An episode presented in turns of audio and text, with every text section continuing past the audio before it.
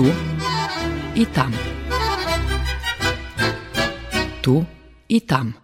Emisija o Rusnacoh, ktorí žijú vonka zo Srbiji, ich prešlim i buducim živoce, aktualnih zbuvanjoh i medzisobnih kontaktoh. Tu i tam.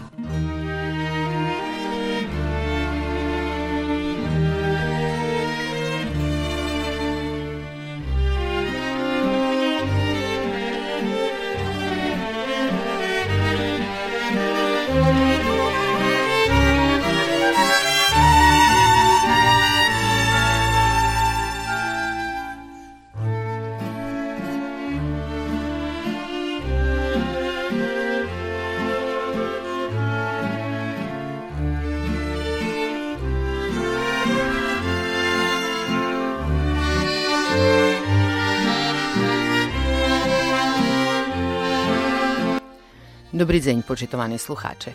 U dneškajšej emisiji budeme bešedovať o kampanji Rusnaci zme, abo Zme Rusini, jakže to ta kampanja vola u Slovatskej ideju pred popisovanjem žiteljstva. U tim roku prešloho roku porušalo Združenje rusinskih organizacijoh Okrugli stol Rusinoh na čolje s Petrom Štefanjakom. Rušime zo muziku, a potim u čece rozvarku zo s Petrom, jak i časci kampanji Kotra u ceku.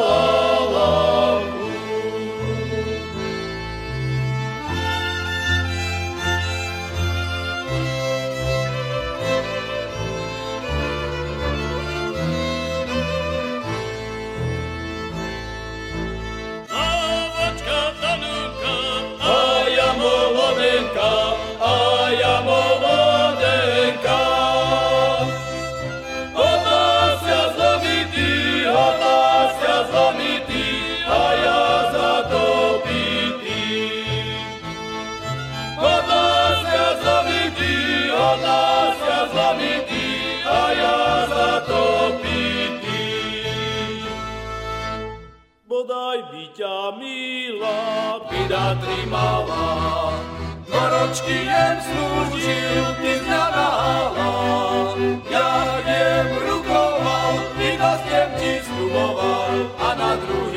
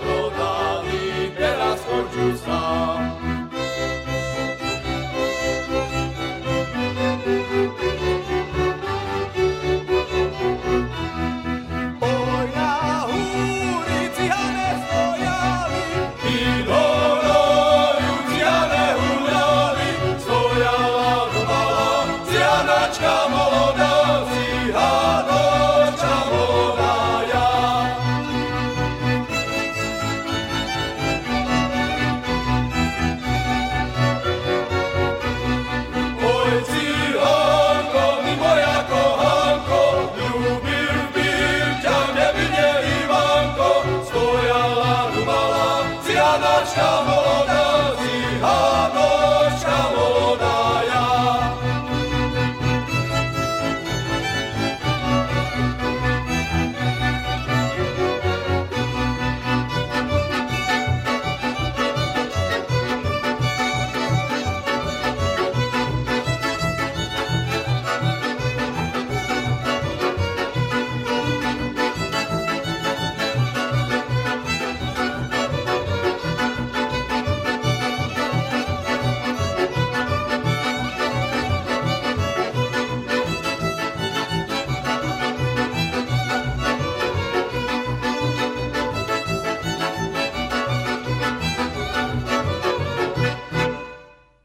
Petro Štefanjak na čolje Združenja rusinskih organizacij u Slovatskej, kotri porušalo kampanju Zme Rusini, kotra za cilj mao svidomic Rusnacoh i potrimacih, že bi še tak vyjašnjeli na popisu žiteljstva, kotri še toho roku otrima u Slovatskej, ali i u drugih evropských žemoch, gde žiju Rusnaci. Od roku 2020 sme na okruhom stoli Rusiny Slovenska, kde sú mnoho rusinských organizácií, ktoré robia i profesionálno, i na amatérskej úrovni, započali kampaň pred spisovaním žutelstva. Túto kampaň sme rozdelili na paru etap. Našou prvou etapou bola etapa RIG Rusinského sela, značiť, že RIG 2020 bol na Slovensku vyhlošený jak Rig Rusínského sela, počas ktorého sme riešali rýzne konkurs fotografičné i vytvárne, kde ľudia mohli poslať svoje fotografii, ako slíky, jak sa hovorí Vojvodiny, a mohli posielať i deti zo škol vytvárne roboty, čo namaľovali. Na témou bolo Rusínske selo. Toma aktivitami sme chceli predstaviť i našim ľuďom, ktorí žijú na Slovensku, nelen Rusinám, že Rusina na Slovensku sú, že majú svoju krásnu kultúru, svoj spivank i majú svoju históriu, osobnosti, architektúru šumnú. No i potom sme prodlžovali tými aktivitami i predstavovali sme jednotlivé sela. V našom rádiu Rusin FM sme robili relácii z našej eh, chyži, naše sela, prodlžovali sme aktivitami i na folklórnom ansamblu Rutenia, kde sme predstavovali starodávne fotografii z našich rusínskych sel, jak ľudia chodili oblečené takoli, jak mali staré chyže, jak tam žili. Takže veľa takých rýznych aktivít. A sme prišli ku uh, osini roku 2020, no i tam sme započali kampaň, ktorá už nese názov Sme Rusín. I tota kampaň má byť pokračovaním a predstavujeme postupne naše rusínske osobnosti. Tak sme predtým predstavovali rusínske sela a tradícii na tých selách, tak teraz predstavujeme rusínske osobnosti, ktoré pochádzajú z našich sel. No a tota kampaň Sme Rusina mala by produžovať i produžuje i to DRIK 2021. Vstúpime sa do tretej, ostatnej etapy toho konkurzu i, i tej kampani, kde budeme priamo ľudí vozívať, že holosíme sa ku našim rusínskym selám, holosíme sa ku našim osobnostiam, takže by sme sa i my priholocili ku Rusinám. Bo to bol celý zámer to, toj celoročnej aktivity i toj našej kampani, že by ľudia tak postupno rozumeli, že naše Rusino sú šikovné, sú dvosvíti, že sa nestraťat a že by i naši ľudia čuli tú identitu i hordosť ku tom svojim uh, rôznym slávnym osobnostiam. No a teraz začíname takú aktivitu, že budeme mať v regiónach už i súť od decembra minulého roka sú billboard, kde máme vyobrazenia taká tvár rusínska, je tam tot erb náš rusínsky s medvíďovými tma smuhami, je tam odkaz na toto heslo kampani Sme Rusina. No to je také pro nás vyznačné, že toto kampaň sme sa rozhodli, že nebudeme robiť len na Slovensku, ale budeme ju robiť v celej Európe, za to, že spisovania žiteľstva mať byť nielen u nás na Slovensku, ale i v Maďarsku, v Poľsku, v Čechách, u Serbii, Chorvátsku, Rumunsku, i dalszych державах, kde žijú z Rusina.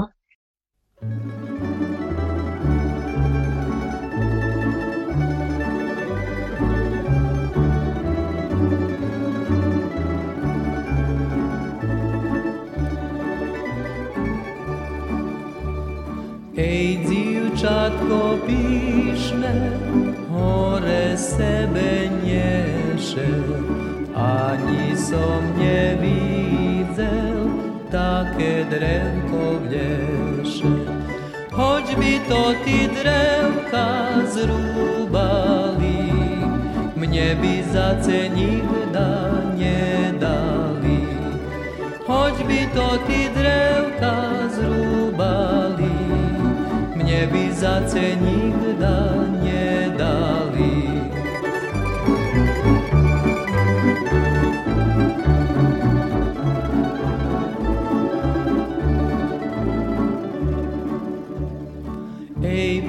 Patrel ja na ňu, slúchal ju, jak špíva, keď by za mne pošla, bula vyščešlíva. Hoď by to ty drevka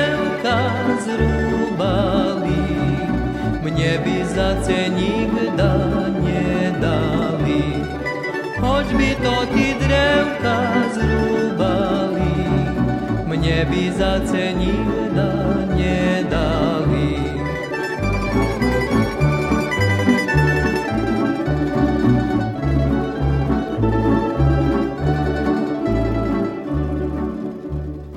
Paljenje sluhala, ljubic šenje dala, ljen za bohačo, za njoše odala. By to ty drevka zrúbali, mne by zase nikda nedali. Hoď by to ty drevka zrúbali, mne by zase nikda.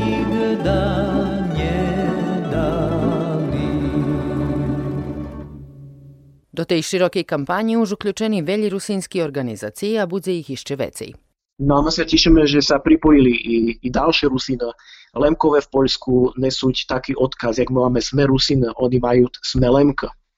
Uh, u vás vo Vojvodine i u Chorvátsku je odkaz Rusnáci sme. Čiže tak, jak v každej državi by si po rusinsku, tak tak sme dali tot variant.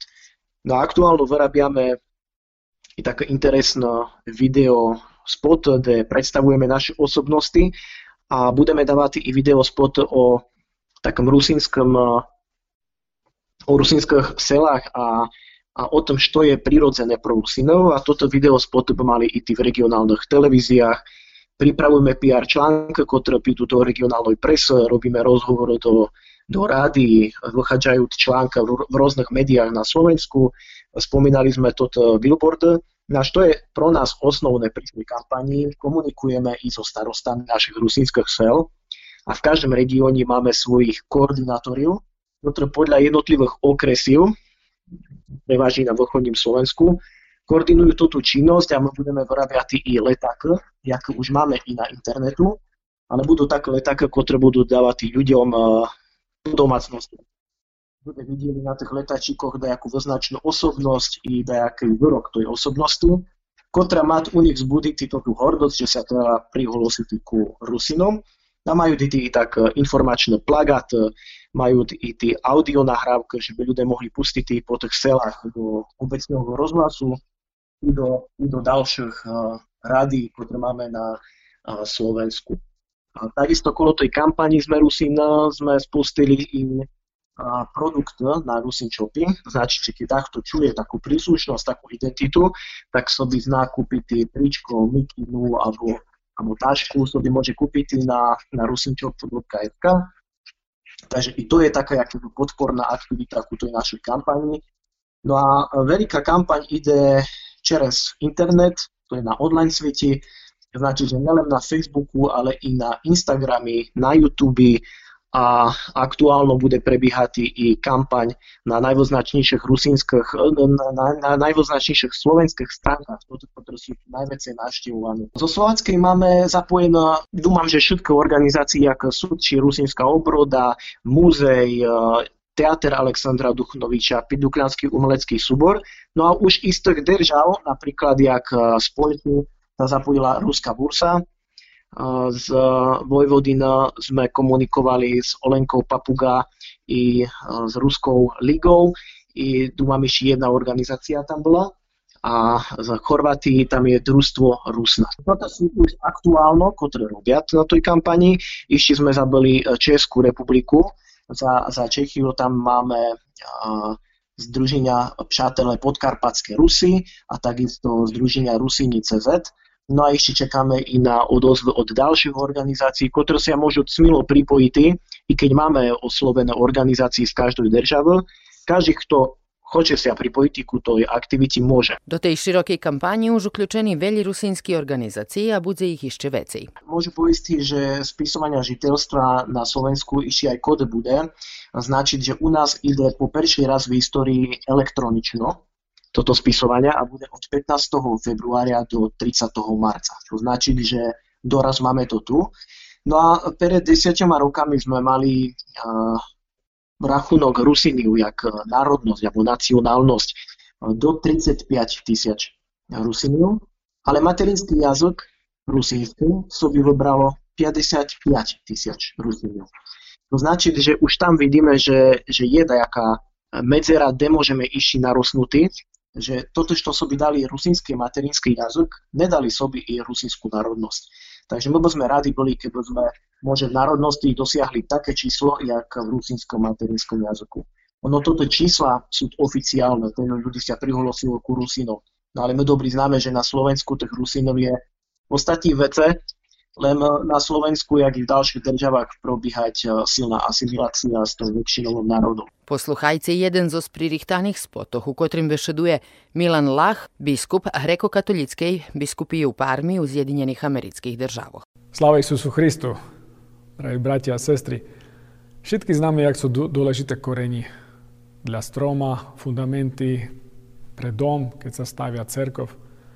A tak, jak pre nás ľudí je dôležité znať, kto sme, skade sme a kam ideme. Známe, že sme greokatolíci. A známe, že sme Ruseni, že sme z Karpat, kde pochodia naši dídy, baby, naša mama, tata i možno i my sami. Nezabudte na to, kto ste a kto sme, že sme christiáni, ideme do nebesného carstva, ale tak sme, máme aj nejakú národnú identitu. Nezabudte sa prihlosiť, že ste hreokatolíkami i Rusinami, jak ja to zrobil takisto pri tom ščítaní ľudu toho roku.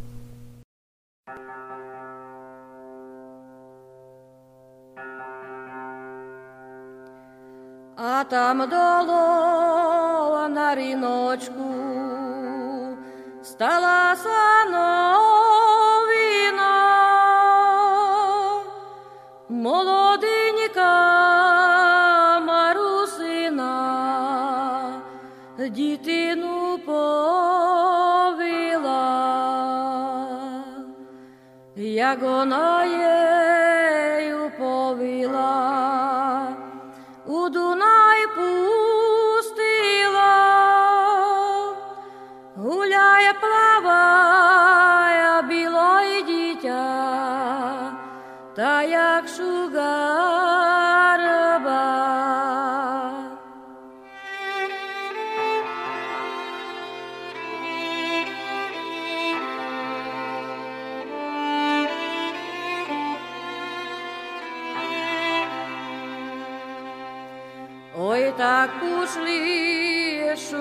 зайчики, рибочки ловити,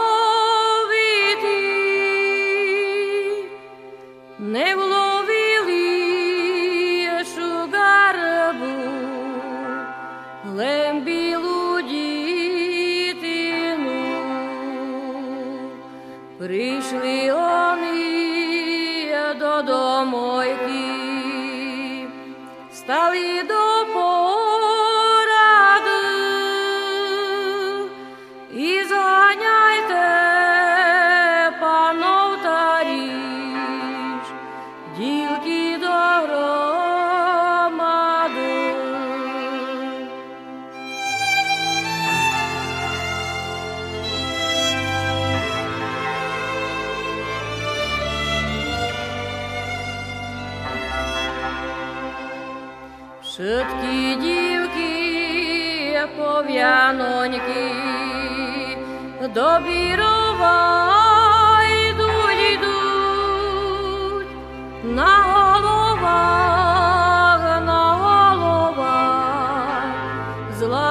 віки несуть молоденька марусина.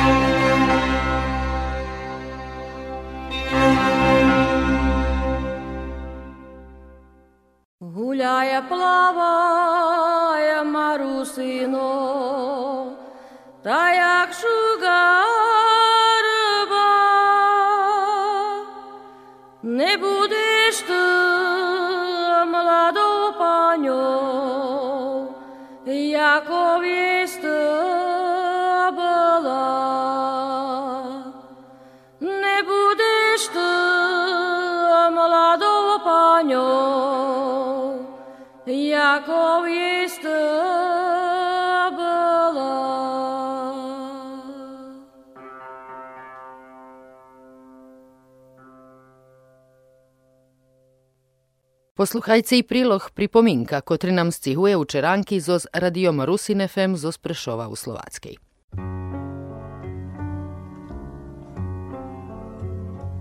Pripomienka. Dobrý deň. I dnes vám poviem jednu pripomienku. Ne pripovitku, ale pripomienku.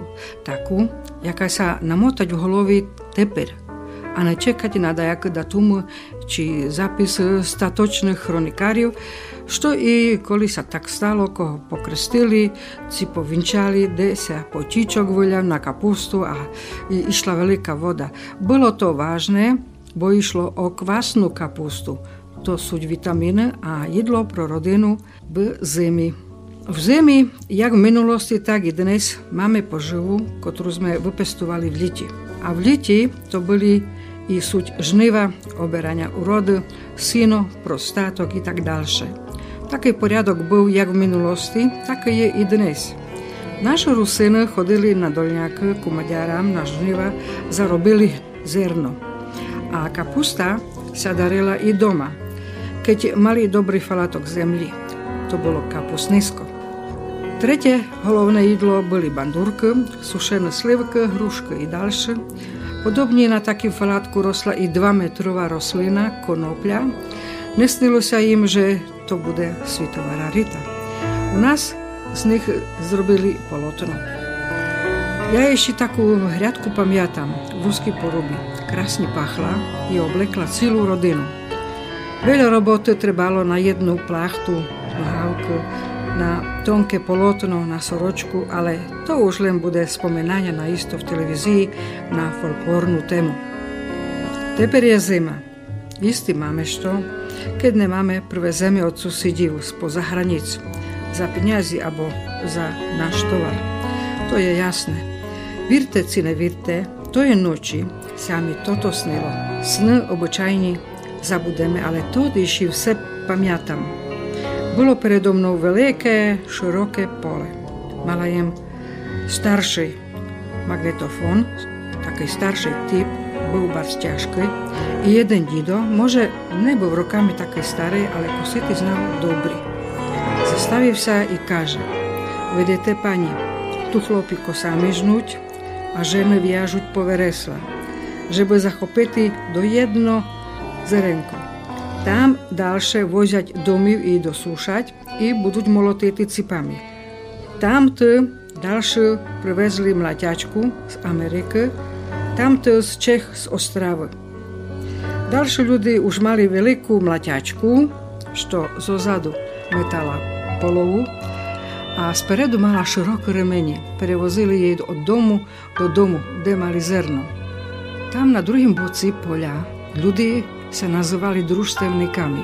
Toto mali krásne mašiny na sejania i obrabľania zemli. Oni majú kombajny. Toto tam poorali, posijali, dostali múčku, to je hnojivo, pokosili a to sú mašiny, jak hory s jedným človekom. Tam na kinci toho poľa už nikto neznať, či je pole obrabľať. Každý znal, što je jeho. A keď dachto piv borozdy, vlastník bojoval za každý falatok. Bolo to rodinné zlato. I dnes je zemľa zlatom. Rivnená, rodeť, štolem sa posadeť. Ale kradúť ho, nesaďať, ale budujú tam fabriky, sklady, automobilky, mnoho pre mnoho betónu. Pobisidovali sme sobi s didom, dašto jem ja neporozumila, dašto starý kosec Ale vírte mi, že to bol krásny son. I to tá luka je reálna, nazývať sa Rohozna.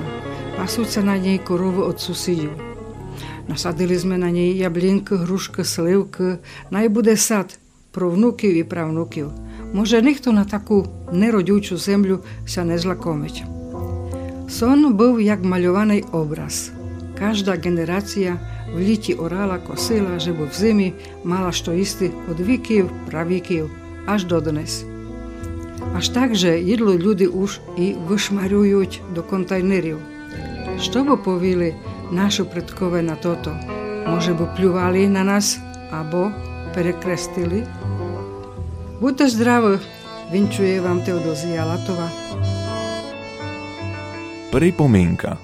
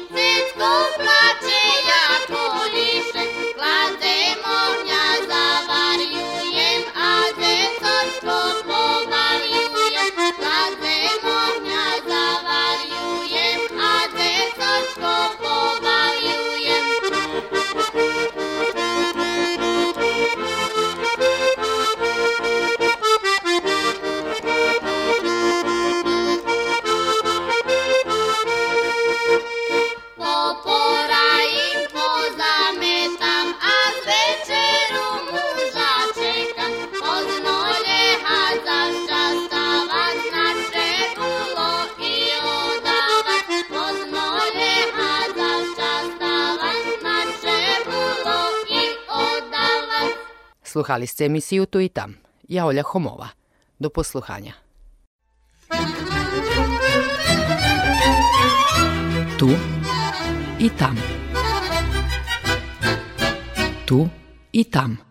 Emisija o Rusnacoh, ktorí žijú vonka zo Srbiji, ich prešlim i buducim živoce, aktualnih zbuvanjoh i medzisobnih kontaktoh.